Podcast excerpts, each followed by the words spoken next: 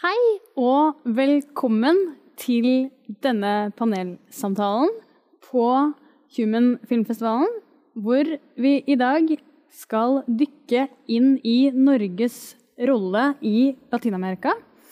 eh, og spørre oss om vi driver med bærekraft, business eller bullshit.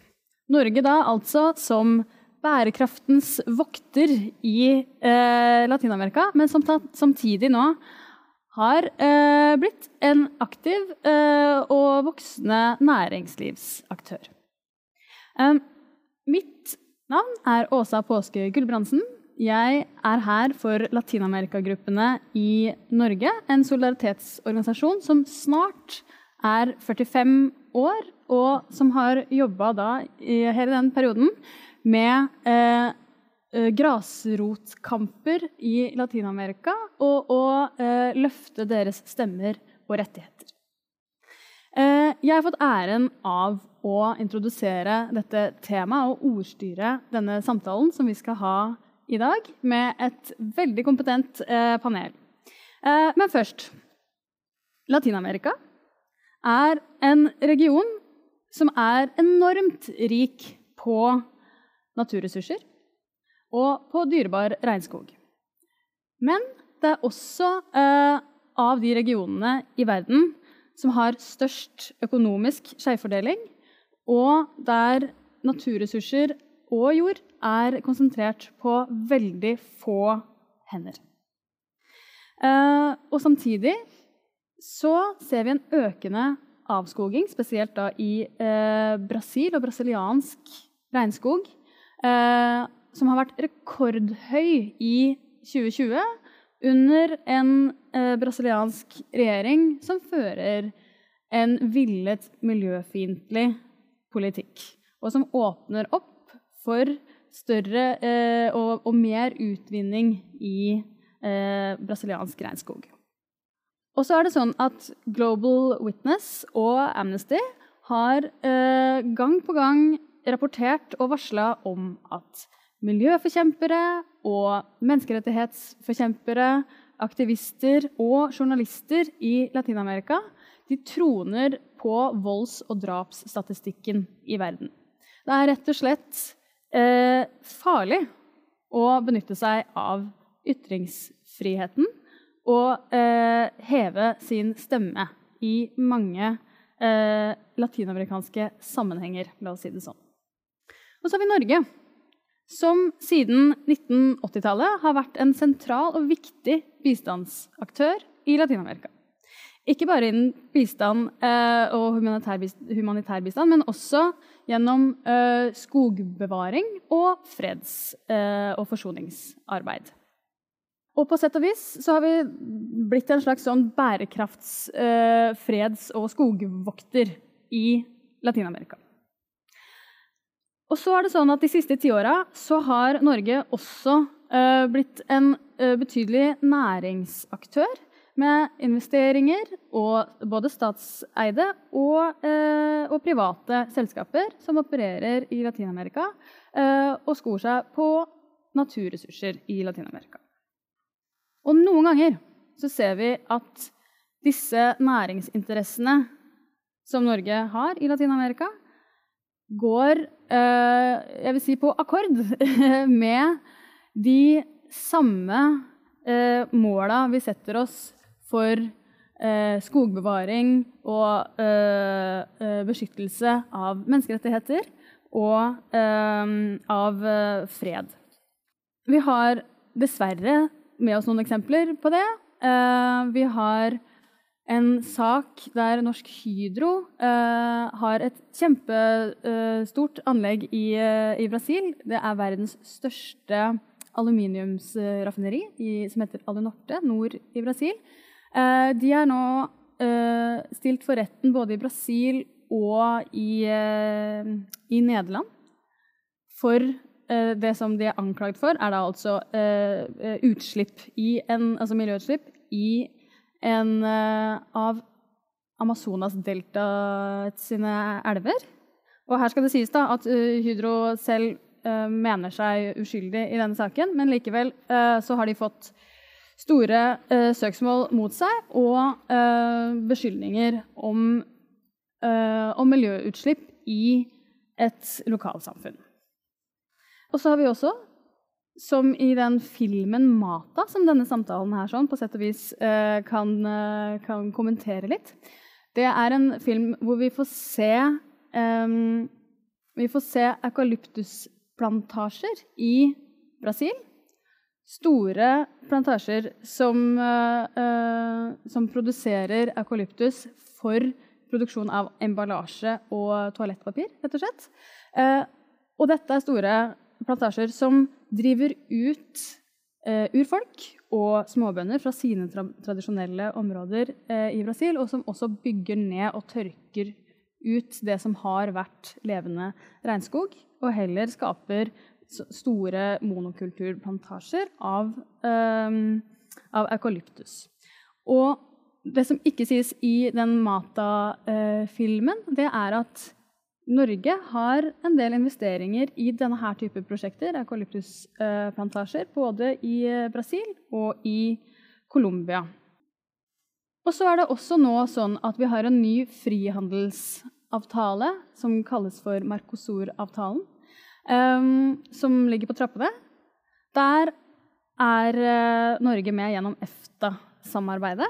Så da er det uh, på, på, europeisk side så er det Norge, Liechtenstein, Is, Island og Unnskyld? Sveits. Takk.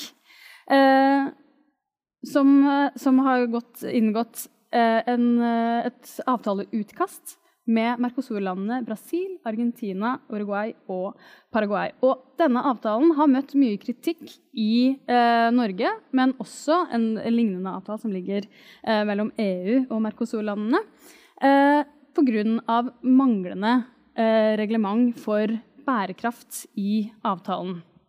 Og man spør seg da hvordan kan man inngå en handelsavtale med Brasil nå? Eh, før man kan sikre at urfolk og regnskog eh, ikke, eh, ikke trues av økt handel. Eh, så vi, da, som bærekraftens vokter i Latin-Amerika, og samtidig har vi et eh, massivt fotavtrykk i Amazonas. Mange snakker om Norge da som at man har en dobbeltrolle i Latin-Amerika. Når vi bruker milliarder på å bevare den samme regnskogen som vi i noen tilfeller også er med på å rasere. Mangler det en samstemthet her? Hvilke hensyn er det som veier tyngst? Business eller bærekraft? Det er det vi skal diskutere i dag. Og for å gjøre det så har vi fått med oss Jens Frølek Holte, som er statssekretær i Utenriksdepartementet.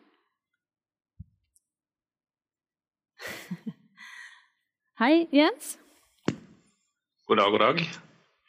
Vi har også med oss Beate Ekeløve Slydal fra Amnesty International. Eh, så har vi med oss eh, Jeanette Bergan fra investeringsfondet KLP. Hei, hei. Hei. Og så har vi med oss Torgeir Knag Fylkesnes som er eh, nestleder i SV, stortingsrepresentant, eh, og da nestleder i næringskomiteen på Stortinget. God dag. Eh, hei. OK. Aller først, alle sammen. Nå skal jeg gi dere et eh, litt stort og litt tabloid spørsmål. Driver vi med bærekraft, eller eh, driver vi med bullshit i Latin-Amerika? Da gir jeg først ordet til uh, Jens. Takk for det. Um, ja, først vil jeg si at Det er jo alltid en glede å kunne diskutere Latin-Amerika. Det er et, uh, et, et, kontinent som jeg har vært uh, borti både når jeg har vært i Klima- og miljødepartementet og i UD nå. Så det er, uh, det er kjempegøy. Veldig variert kontinent og selvfølgelig også litt dilemmaenes kontinent. Um, vi har eh, fra norsk side hatt et eh, egentlig, jeg vil si, kommet litt tilbake igjen der, til der hvor vi har vært eh, sånn, i engasjementet. På 1800-tallet så så var det jo næringsliv og næringssamarbeid og eksport og maritim næring som var eh, Norges forhold til Latin-Amerika, stort sett. Så har det vært en, eh, en periode hvor det har vært eh, mer bistand på 80-tallet eh, spesielt, utviklet seg da. Eh, og nå også de siste ti årene fred- og forsoningsengasjement. Og så har det vært en vekst i investeringene fra Norge til, til Latin-Amerika. Um, så har, Vi har gått litt sånn full circle. Altså jeg, jeg, har selv familie som eh, emigrerte til eh, Argentina i 1910. Så det, ganske, det var, jo en del nordmenn som reiste ned dit. Eh, så det, um, så det er egentlig um, historisk sett bra at vi er tilbake der hvor det er økt økonomisk samkvem mellom Norge og Latin-Amerika. Det er også en del av det som er regjeringens syn på, på utvikling. Eh, bistand Eh, skal ikke være permanent, eh, en permanent stasjon. Man skal over til en eh, økonomisk vekst som må være inkluderende og bærekraftig. Så, det så jeg vil si at vi både skal ha business og bærekraft. Og Grunnen til det er at bærekraft er egentlig betegnende for ganske mye av engasjementet vi har i Latin-Amerika. I Colombia så jobber vi for å få bærekraftig fred. Det gjør vi for så vidt også i Venezuela, hvor vi tilrettelegger for samtaler mellom partene der. Det er veldig krevende, men bærekraftig fred er noe vi har vært engasjert i også i Mellom-Amerika eh, tidligere på 90-tallet. Um, ehm, så jobber vi for bærekraftig eh, økonomisk utvikling. Det er både i eh, En ting er Brasil, eh, som vi kan snakke litt mer om siden. Eh, men i, både i Peru, Ecuador, Colombia, hvor vi har skogsamarbeid, så er dette ganske viktig. og det er en egentlig ganske den største sånn, direkte bilaterale engasjementet vi har med de landene fra regjeringens side. Så har vi eh, eh også et veldig sterkt og økende engasjement for, for hav. Vi har, eh, Erna Solberg har ledet et, et, havpanel hvor det har vært både Chile og Jamaica fra regionen har vært medlem. og Vi prøver å spre ideen om bærekraftig havforvaltning med 100% bærekraftig forvaltning av havområdene utenfor. Um, så um, er det jo selvfølgelig eh, et stort problem eh, for kontinentet at det ikke er nok inkluderende vekst. Det er det som er uh, den største utfordringen. og det har vi, også Norge jobbet mye sammen med CEPAL, eller ECLAC, den tenketanken. Eller FNs økonomiske kommisjon, som det egentlig heter. som Eh, som jeg husker da jeg tok eh, kurs i utviklingsstudier, så var det en ganske sånn raddis-tenketank på 70-tallet. Eh, men den har vi også et veldig tett samarbeid med, bl.a. for å, for å ja, løfte problemet med inkluderende vekst. Og, så I utgangspunktet så er det et gode at to kontinenter, altså Europa og Latin-Amerika, at vi ønsker å samarbeide. Både hva gjelder handel og økonomi, men også politikk. Eh, når det gjelder f.eks. Eh, eh, sånn i, i FN-sammenheng, så har Norge og latinamerikanske land ofte teamet opp for å jobbe for kvinners rettigheter, for abort. Det finnes jo finnes også land som er progressive på det punktet. Eh, og vi, altså, vi, har et, et, veldig godt partnerskap med ganske mange latinamerikanske land som går utover det rent økonomiske. Men så til, til det økonomiske. Um, vi forventer at norske bedrifter følger uh, menneskerettighetene og det som heter UN Guiding Principles, som er FN sine standard for um, selskaper. Um, og det, det, er vi veldig tydelige både til bedriftene som staten eier. Vi er også tydelige tydelig i vår dialog med de ulike regjeringene. Eh, med Brasil for eksempel, så har det vært en utfordring med Amazonasfondet. og at De har en, eh, en, en villet politikk som fører til hogst i Amazonas. Det er vi veldig kritiske til. Og også vært kritiske til måten urbefolkningen har vært behandlet på. Og gjennom skogsamarbeidet så prøver vi å lage politisk endring innenfor. For skal vi Eh, skal vi oppnå bærekraftig og inkluderende økonomisk vekst i latinamerikanske land, så må det være, eh, det må være et politisk eh, ønske innenfra.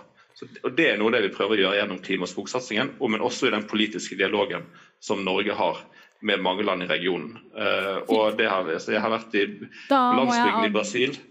Ja, da skal jeg gi meg. Da må jeg avbryte deg, for et kjapt svar der fikk vi uh, ikke. Så Nei. da må jeg heller spørre um, Jeanette i KLP. dere var 29 aktører for et par år siden nå som sendte et brev til eh, Brasils myndigheter som, eh, eh, hvor dere sa at dere ikke ville investere mer i Brasil. Eh, og så satte dere noen premisser. Kan du fortelle kort om eh, eh, hva som var bakgrunnen for at dere sendte dette brevet, og hva som har vært resultatet av dette? Ja, det er jo sånn at eh, Veldig mange investorer har jo en, eh, en, et, et, eh, en ambisjon om å, å, å styre bærekraftsrisiko i investeringene og ikke medvirke til brudd på menneskerettigheter eller alvorlig miljøskade. Så det vi og mange andre investorer gjør, er at vi kontinuerlig overvåker alle investeringer. Og avskoging har jo da, spesielt i Brasil og Indonesia, de siste årene kommet høyt opp på agendaen fordi det er en stor risiko for å medvirke til menneskerettighetsbrudd og alvorlig miljøskade gjennom investeringer i selskaper som da har stor eksponering mot avskoging. Um, og Det er jo da særlig innenfor soyaproduksjon uh, uh, og storfeproduksjon og og en del andre områder. Så det man da gjorde, var jo at man, man, hadde mye dialog med selskaper, som vi alltid har, for det er jo der vi er direkte investert. Men det vi så var at Brasil det var litt annerledes. fordi Det var liksom ikke bare selskapene vi kunne forholde oss til. Fordi det var så mye signaler fra brasilianske myndigheter som, som gjorde det også vanskelig for selskapene som vi var investert i. Så da var det en gruppe investorer som valgte å gå sammen og forsøke å få en, til en dialog mot brasilianske myndigheter for å uttrykke vår bekymring for den utviklingen som skjer i Brasil. Um, og da fikk vi umiddelbar egentlig veldig res god respons fra myndighetene. Vi fikk møter på veldig høyt nivå. Um, og det har vært flere møter på høyt nivå den siste, også siden det, det initiativet. Og Vi er jo veldig tydelige på hva vi ønsker å få til. Det er jo selvfølgelig reduksjon i avskoging. Det er jo at de skal håndheve lover og regler både på miljøsiden på menneskerettighetssiden.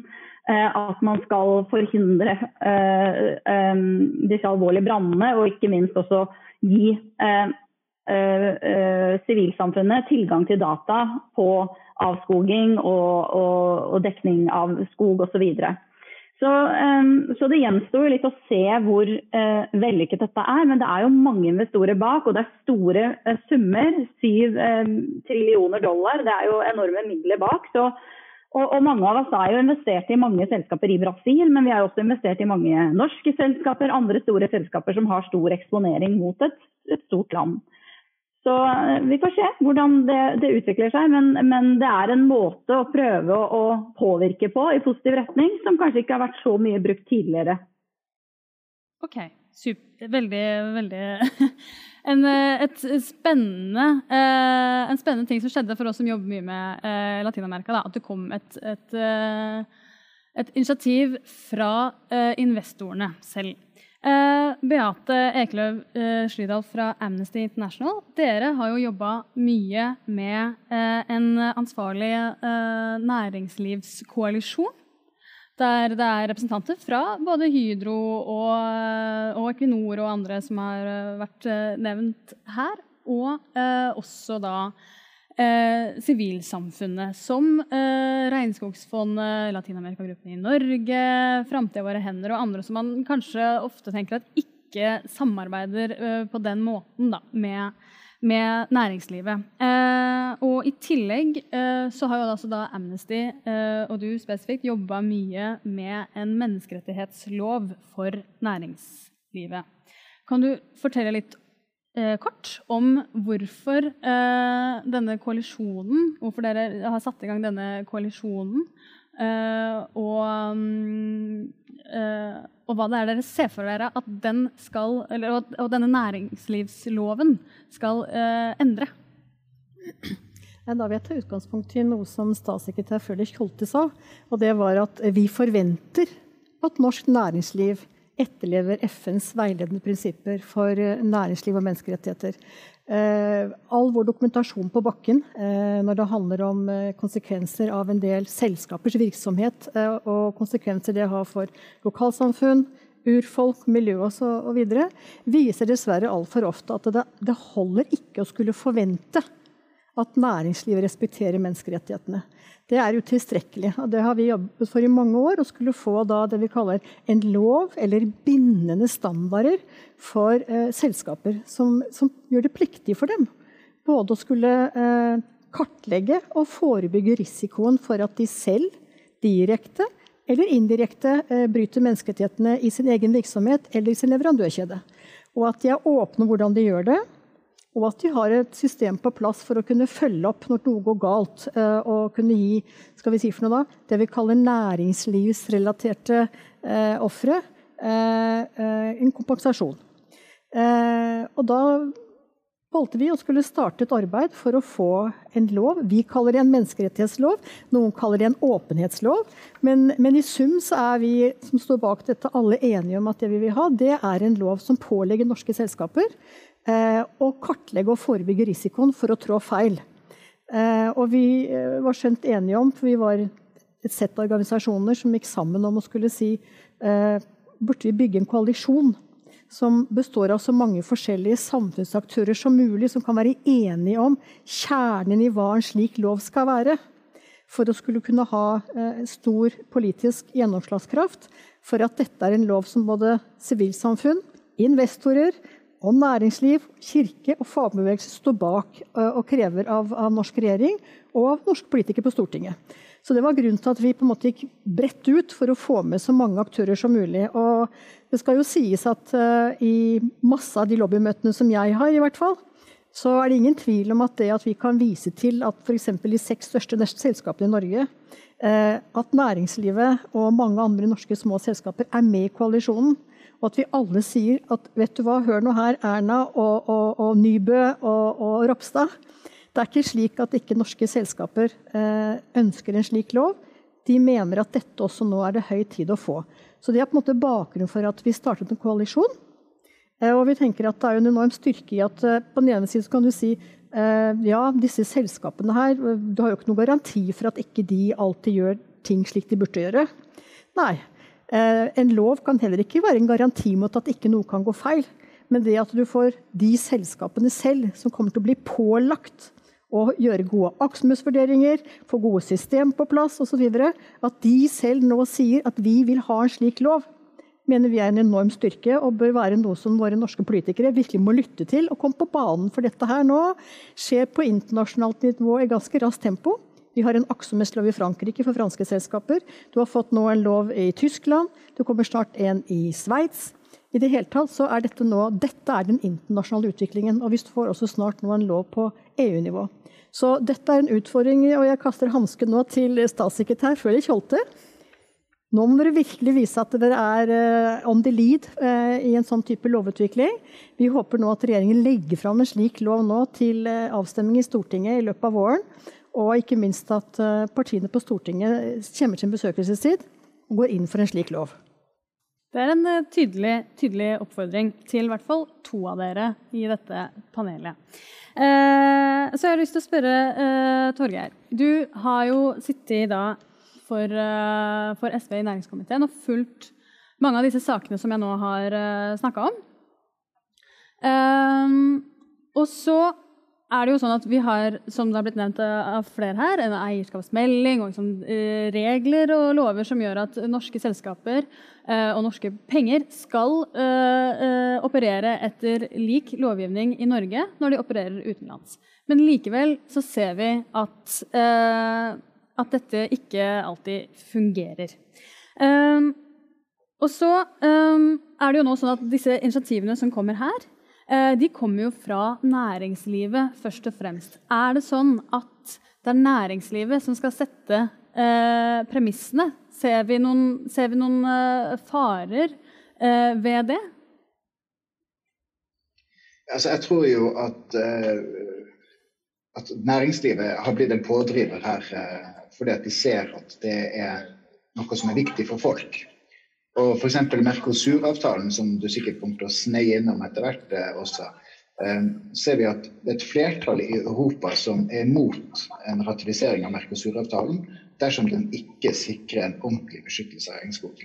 Og Dette ser jo næringslivet også, at eh, det er bad for business hvis man holder på på en måte som ikke tåler dagens lys i hjemlandet. Så jeg tror at det må være en sammenheng mellom bærekraft og business. Hvis det ikke er en sammenheng, da blir det bullshit. Så jeg syns jo denne tittelen på foredraget her er veldig presist. Og jeg tror eh, denne her eh, på armlengdes avstand-holdninga som regjeringa opererer med, der man i både eierskapsmelding eh, overfor norske selskaper som ikke er statlig eid, både statlig eide og ikke statlig eide, så sier man at vi forutsetter, vi forventer at eh, disse selskapene eh, forholder seg til eh, menneskerettigheter, klimamål, at man ikke skal ødelegge regnskog eller eh, bosteder til urfolk osv. Man forventer det. Men så har man ingen mekanismer som sørger for at man overvåker dette på noen som helst måte. Og så har man heller ingen sanksjoner hvis norske selskaper går over streken i forhold til de reglene vi har i Norge. Så man ønsker å ha en viss sånn bullshit-faktor her. Eh, og jeg tror nok det er det som irriterer stadig flere, at vi ved den ene sida utviser en form for godhet i eh, bistandsarbeidet og i taler som Frølich og andre holder i høytidelige sammenhenger, der vi slutter oss eh, med, med, hele vårt hjerte til eh, de store målene, de store verdiene på den globale scene. Men så tillater vi at det eh, undergraves på andre og vesentlig viktigere områder. Så jeg tror at eh, globaliseringas neste fase må innebære at det skal være en sammenheng mellom de, de bærekraftsmålene, urfolksmålene, menneskerettslovene, eh, ILO-konvensjoner osv. Og, og det som skal gjelde for business. Og Det som er spennende med disse selskapene som nå tar til orde for det er at de ser det, og det er good for business å gjøre det. Kan jeg bare skyte inn? Jeg bare synes Det er viktig å få frem at det er, det er, ingen av disse initiativene, enten det er i Frankrike, Sveits, Tyskland, Norge, Finland, hvor som helst, som det er næringslivet som har tatt eh, skrittet til å gjøre. Alle disse koalisjonene for disse type menneskerettighetslover eller aktsomhetslover, det er det sivilsamfunnrepresentanter som har tatt. Og så har vi gått i dialog og bygd koalisjoner og fått med oss de aktørene som disse lovene skal gjelde for. Mm. Uh, og det er det jo en grunn til at uh, har uh, skjedd. så da vil jeg spørre deg, hvilken risiko er det eh, de som, altså, de som våger å, eh, eh, å, kritisere eller å stå imot selskaper, da, spesifikt i Latin-Amerika, hvilken risiko er det de løper? Det er jo ingen tvil om at det er nærmest en skuddpremie på det vi kaller eh, miljøvernforkjempere eller urfolksforkjempere. Landrettighetsforkjempere. Eh, Global Witness siste rapport viser jo at eh, minst 212 Eh, miljøvernforkjempere eller urfolksforkjempere ble drept i, i, i fjor. Eh, og hvis man begynner å gå inn i tallene, så ser man at hele 40% av de som drepes, er urfolk. Og hvis man da vet at urfolk bare utgjør 5 av verdens befolkning, så er det at 40% av disse er de som drepes, et veldig skremmende høyt tall. Og så ser vi at to tredjedeler av disse igjen, de drepes i Latin-Amerika. Og bare i Amazonas-regionen ble 33 urfolksrepresentanter drept i fjor. Så det er ingen tvil om at det har blitt en ekstrem økning i hvor sårbare denne type representanter har blitt. Og det handler jo da om mennesker som våger å stå opp imot sterke næringslivsinteresser. Eh, hvis vi nå snakker om Brasil, under eh, ledelse av president eh, Bolsonaro, som har levet landet ut i i ikke spesielt si noe, sympatiske trekk når det gjelder demokrati og menneskerettigheter, så har jo han nærmest gitt en sånn skal vi si for noe, carte blanche, eller fritt leide, til de som velger å bruke vold for å kunne rydde mark for sine næringsinteresser, hogge ned skog osv. Og det er altså nærmest straffefrihet for de som dreper disse urfolksrepresentantene. Så eh, det er ingen tvil om at eh, urfolksrepresentanter, miljøvernforkjempere, som da står opp imot store næringsinteresser, de gjør dette med livet som innsats. Eh, og uh, Frølich Holte, i, i, denne handelsavtalen Mercosur som, som uh, Norge nå potensielt inngår med med bl.a. Brasil, så ligger det ingen faste reguleringer for bærekraft. Altså det finnes et bærekraftskapittel, men det er ikke bindende. Hvordan eller hvorfor eh, kan Norge gå inn, eh, i, gå inn for, å gå, eh, for, å inngå en avtale med bl.a. Brasil, da, hvor vi vet at de som stiller kritiske spørsmål, og de som står opp mot store selskaper, de løper en, utrolig alvorlig risiko for sitt eget liv. Uh, og i tillegg så er det jo også sånn at um, det er en ekstremt høy avskoging i Brasil nå, og mange frykter at en inngåelse av en sånn avtale vil gi vann på, på mølla til de mekanismene som sørger for avskoging. Ja, jeg kan først ta det her med Mercosur, og så har jeg litt på åpenhetslov og sånn etterpå. Um, siden hansken ble kastet, uh, tenker jeg. Um, vi, vi, er jo uh, dypt bekymret for utviklingen i Amazonas og har en dialog med um, regjeringen uh, i Brasilia om veien videre for engasjementet. Og nå, nå er midlene frosset, så det er jo på en måte ikke så mye mer å si om det akkurat nå. Politikken er jo en villet avskoging. Men um, det kommer jo også en, eh, en tid eh, etter Bolsonaro. Eh, vi mener at det omfattende kapitlet i handelsavtalen om bærekraft gir en ganske tydelig retning på hvor vi ønsker utviklingen skal gå i Brasil. Det har også vært et kapittel som har vært høyt prioritert fra Norges side. Og så forplikter også avtalen Eh, partene, da, ja, partene i, i Mercosur til å kjempe mot ulovlig tømmerhogst eh, og oppfylle målene i Parisavtalen eh, og fremme bærekraftig landbruk. Men bare for å dvele med dette ved målene i Parisavtalen. Brasil sitt Parisavtalemål inkluderer også skog, slik at forpliktelsen nå kan du si at De har jo forpliktet seg i Parisavtalen, men nå, ved å ha det inni en handelsavtale, så legger du også eh, pengene på bordet. Eller du setter, eh, eh, plasserer liksom pengene der hvor munnen din er. Eh, så det er, en, eh, det er, et ganske eh, bra grep, som også gir oss en, en, ytterligere plattform for å diskutere dette med Brasil. Men avtalen er under bevel, så er det garantert ikke siste ord sagt i denne saken. For det, det vet Torgeir godt. Den skal også til Stortinget. og det er vi veldig godt klar over. Men da, vil jeg, ja, da vil jeg gjerne bare gi uh, Torgeir uh, muligheten til å svare på dette. For SV er jo da et av partiene som har uh, uttalt seg kritisk til den handelsavtalen. Ja, vi er veldig kritiske til den, rett og slett, som du er inne på her, at det er et flott kapittel brødtekstmessig som omhandler bl.a. avskoging av folk. Men det er jo ingen makt bak det. Altså hvis det er brytes, så åpner det for en dialog.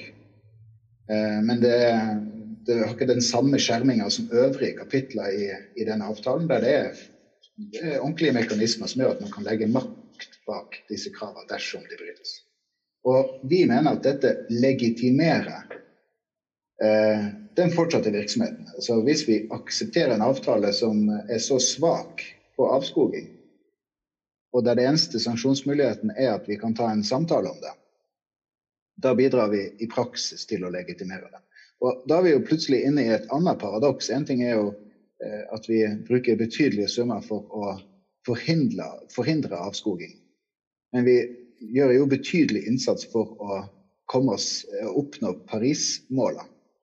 Og hvis denne avskogingen her fortsetter, da vil jo det få betydelige konsekvenser for eh, norsk næringsliv, eh, for landet i hele verden. For da blir jo det de andre landene i resten av verden må ta av utslipp, kommer jo bare til å øke og øke og øke. Så dette er jo et dødsløp. Og det som er spesielt med Norges eh, posisjon her, er jo at vi har jo vært fornøyd, vi, med den avtalen. Eh, jeg vil jo nesten tro at regjeringa var klar til å sende den til Stortinget til, eh, til, til signering, omtrent. Mens andre land i Europa har vært veldig kritisk fordi at vernet av regnskog har vært så svakt. Norge har vært veldig ha, jeg vil egentlig si at Norge har ikke hatt noen stemme i den diskusjonen der overhodet. Virker jo å være roller eh, som regjeringa har dyrka, at man ikke skal innta en, en fremtredende rolle i de her type spørsmål. Man skal vente og se, se hva andre gjør. Så nå sier jo Frankrike, som jo har andre interesser i denne avtalen her enn bare regnskog, sier de at det er ikke sjans at uh, denne avtalen der vil uh, gå gjennom dem hvis ikke det blir vesentlig bedre. Det er jo veldig positivt at man har land som Frankrike i en situasjon der Norge ikke eh, jobber aktivt for å få et mye sterkere vern for eh, Amazonas. Mm. Ok, uh, Så Jeanette, hvis vi løfter, løfter, det her litt igjen, uh, og liksom opp fra teknikalitetene Er det mulig som investeringsaktør i Latin-Amerika Eh, og kanskje i Brasil spesielt, som vi har snakka mye om nå, å eh, investere uten at avkastning går på bekostning av uh, avskoging, eller unnskyld, fordrer avskoging uh, og menneskerettighetsbrudd. Kan du si noe kjapt om det? Ja, det, det, tror jeg er mulig. Absolutt. Det er jo mange selskaper og, og mange man kan investere i. Og, og KLP som én aktør er jo bredt investert. og eh, prøver å spre investeringene våre globalt over hele verden. Og, eh, og har egentlig også et, et, prøver å ha et, et, bredere forhold til avskoging også, ikke bare Brasil. fordi det selv om regnskogen er eh, enormt verdifull, så er det faktisk eh, ikke noe eh, så mye bedre om det blir mye avskoging også andre steder. Men det er jo selvfølgelig der pga. landbruksvirksomheten at, at, risikoen er størst. Men, men, men, det er helt klart mulig å, å, drive næringsvirksomhet og samtidig ta både bærekraftshensyn og eh, samfunnsansvar på alvor og jobbe systematisk. og Eh, det har jo skjedd en enorm utvikling i hvor profesjonelle selskaper er på å være aktsomme og gjøre aktsomhetsvurderinger. Og det er på full fart inn i lovverket, og det er på full fart inn i EU-reguleringen også på finanssiden. hvor du ikke lenger bare må eh, vise hvordan du integrerer bærekraft, du må også møte minimum social safeguards. Og du må, du må gjøre aktsomhetsvurderinger hvis det er høy risiko også som investorer. Så dette dette kommer investorene også til å spørre selskaper om, og vi kommer til å måtte rapportere på disse resultatene. Så jeg har veldig veldig stor tro på markedet fremover. Eh, kapitalen kommer til å flyte til de selskapene som tar dette på alvor og jobber systematisk. Uh, ja, og da har jeg lyst til å spørre deg, Beate. Uh, fra Amnestys menneskerettighetsperspektiv. Uh, vi ser jo at det er en veldig høy risiko når vi opererer på den måten her i andre land. Skal vi operere i, i Latin-Amerika når det er såpass høy risiko for menneskerettighetsbrudd? Så Amnesty går ikke inn for noe boikott av å investere i, i land i Latin-Amerika. Eh, vi ser selvfølgelig også viktige oppsider ved eh, utenlandske investeringer, selskaper som skaper arbeidsplasser osv. Det vi er opptatt av, er jo at selskapene må være veldig bevisst på hvordan de velger å være til stede i land hvor det er store utfordringer, enten det går på menneskerettigheter, urfolksrettigheter osv., og, så og at de må ha et system på plass hos seg selv som gjør at de klarer å ha en god beredskap på å unngå at de selv direkte eller indirekte bidrar til menneskerettighetsbrudd.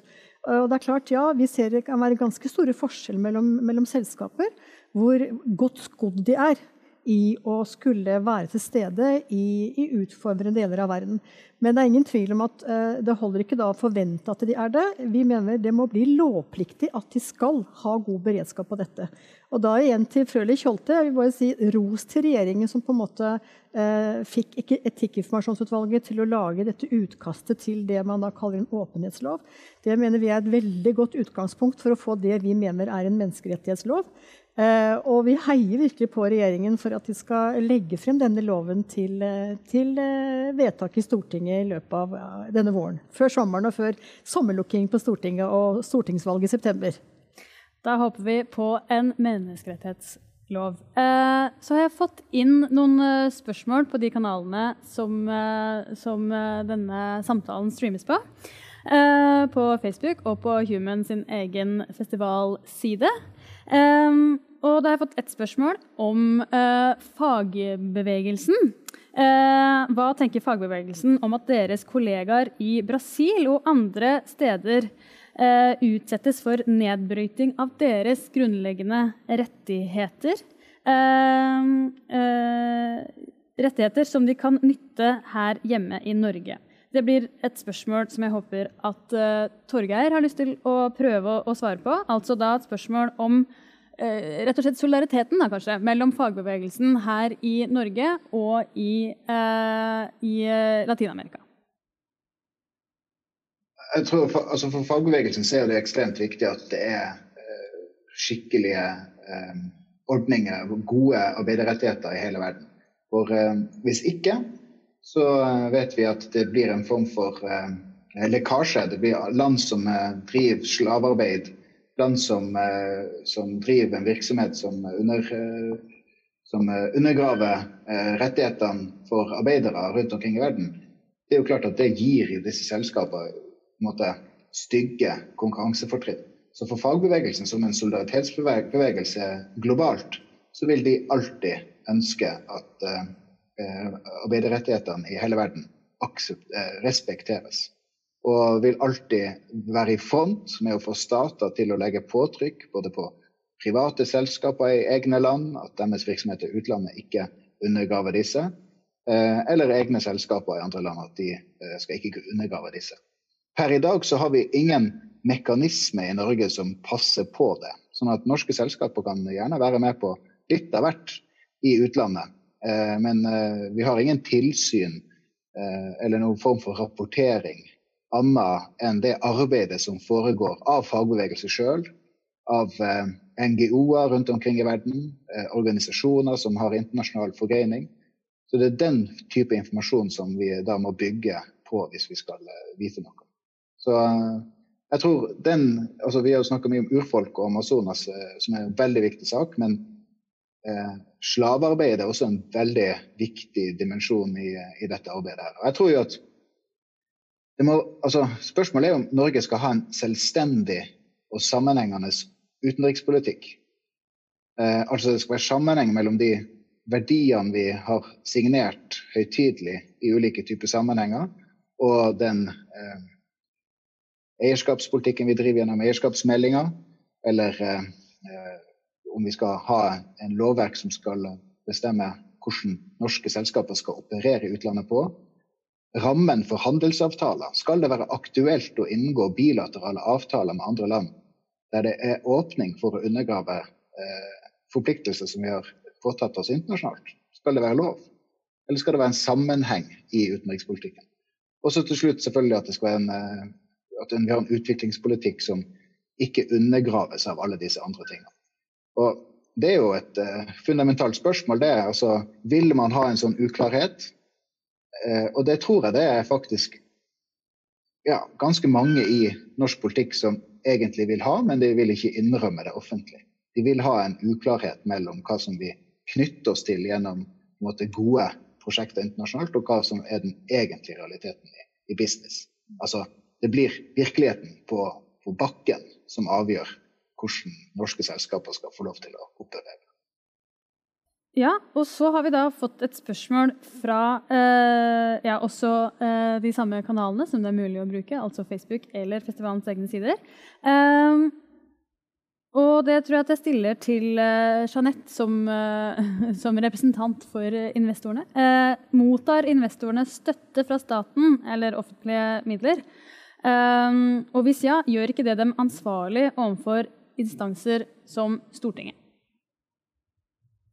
Eh, nei, det gjør vi ikke. Vi mottar ikke noe støtte fra, fra staten. Eh, men vi er, jo, vi er, jo, et norsk selskap, så vi forholder oss jo til de forventningene og de internasjonale avtalene som Norge eh, er med i. Og vi jobber jo aktivt for å fremme OECDs retningslinjer for flernasjonale selskaper gjennom alle investeringer. Vi Eh, forventer jo at selskaper etterlever FNs eh, veiledende prinsipper for næringsliv og menneskerettigheter, og vi jobber aktivt for å, for å etterleve dem selv. Så, så, eh, vi opplever jo at vi står, kan stå skolerett også for Stortinget for det vi gjør på, som investor og måten vi jobber på, på dette området. Både vi tror jeg, og veldig, veldig mange andre av de norske investorene som er veldig langt fremme på det å integrere bærekraft og samfunnsansvar i investeringene. Mm. Og bare for å legge til også, eh, Vi er jo investert i, i norske selskaper og, og, mange norske selskaper som har virksomhet både i Brasil og andre land. og Vi følger opp dem tett på disse problemstillingene. Prøver å stille krevende spørsmål og være en, en eier som, som, er opplyst og, og, og prøver å stille krav. Og vår erfaring er jo at norske selskaper som er ute i verden, er jo ofte veldig flotte representanter for Norge, og også representerer de samme forventningene og retningslinjene og følger opp dette på en veldig, veldig god måte. Og det må vi huske på.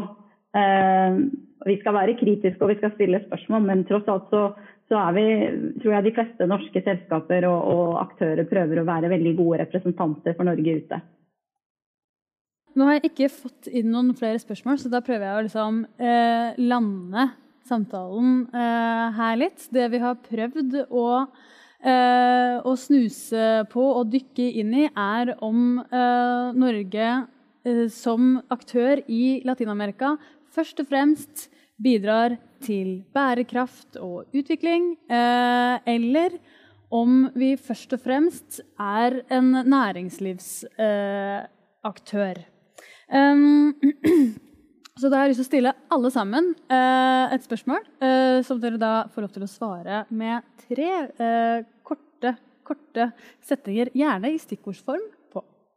og det er Hva er det som skal til for at vi kan være helt sikre på at når norske penger, norsk kapital, norske selskaper, statseide eller private, opererer i Latin-Amerika, så eh, er det ikke noe menneskerettighetsbrudd som foregår, og ikke noe eh, ulovlig avskoging som foregår. Det må jo være liksom, målet vårt.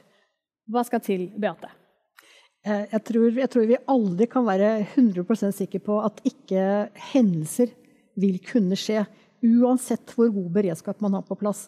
Men vi mener jo at det å bruke verktøy og virkemidler som kan styrke beredskapen og dermed beskytte og verne om menneskerettighetene, er, er viktig. Så da tre stikkord da. Det er da eh, få en menneskerettighetslov som forplikter norske selskaper til å kartlegge og forebygge risikoen for å trå feil. Det må være sanksjoner knyttet til loven, slik at dersom man faktisk ikke gjør gode aktsomhetsvurderinger, og gjør de tiltakene som skal til for å forebygge risikoen for å bryte menneskerettighetene, så må det faktisk få konsekvenser. Og så tror vi at det for alle selskaper, det å ha en god og tett dialog med de lokalsamfunn og de si, ulike berørte partene der i verden hvor de er, er avgjørende. Mm. Jens, kort, kort. Takk for det. Jeg må få svare på de her påstandene fra Torgeir, som jeg er selvfølgelig helt uenig med. For det er ekstremt eh, få land eh, annet enn Norge som har stått så mye opp for regnskogen. Eh, så det er bra at Frankrike melder seg på. Men vi har tatt opp menneskerettighetsforsvarere, miljøforkjempere, fått resolusjoner gjennom i FNs menneskerettighetsråd osv. Men jeg skal la det ligge for nå, for det kan vi diskutere en annen gang. Denne loven som er nevnt, eh, den eh, Vi noterer oss eh, det Amnesty sier. Den tror jeg blir veldig bra. Den vil være et viktig verktøy. Og så trenger vi at selskapene tar ansvaret som regjeringen forventer. At de skal følge de veiledende prinsippene for menneskerettigheter. Og til sist så må det politisk endring til i latinamerikanske land. Det er, det, det er den langsiktige løsningen, og det jobber Norge for intenst på bakken i Latin-Amerika. Takk.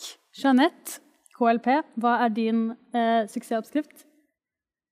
Ja, jeg, jeg, støtter jo mye av det som er sagt. Det, det, det er tydelige krav eh, og forventninger. Eh, åpenhet er også et nøkkel, eh, en, en, helt nøkkel til bærekraftig samfunn over hele verden. Altså Åpenhet er eh, så viktig og er det som driver eh, både samfunn fremover og, og, og får ting opp i lyset. Og det gjør at det kan håndteres av investorer, selskaper, eh, myndigheter.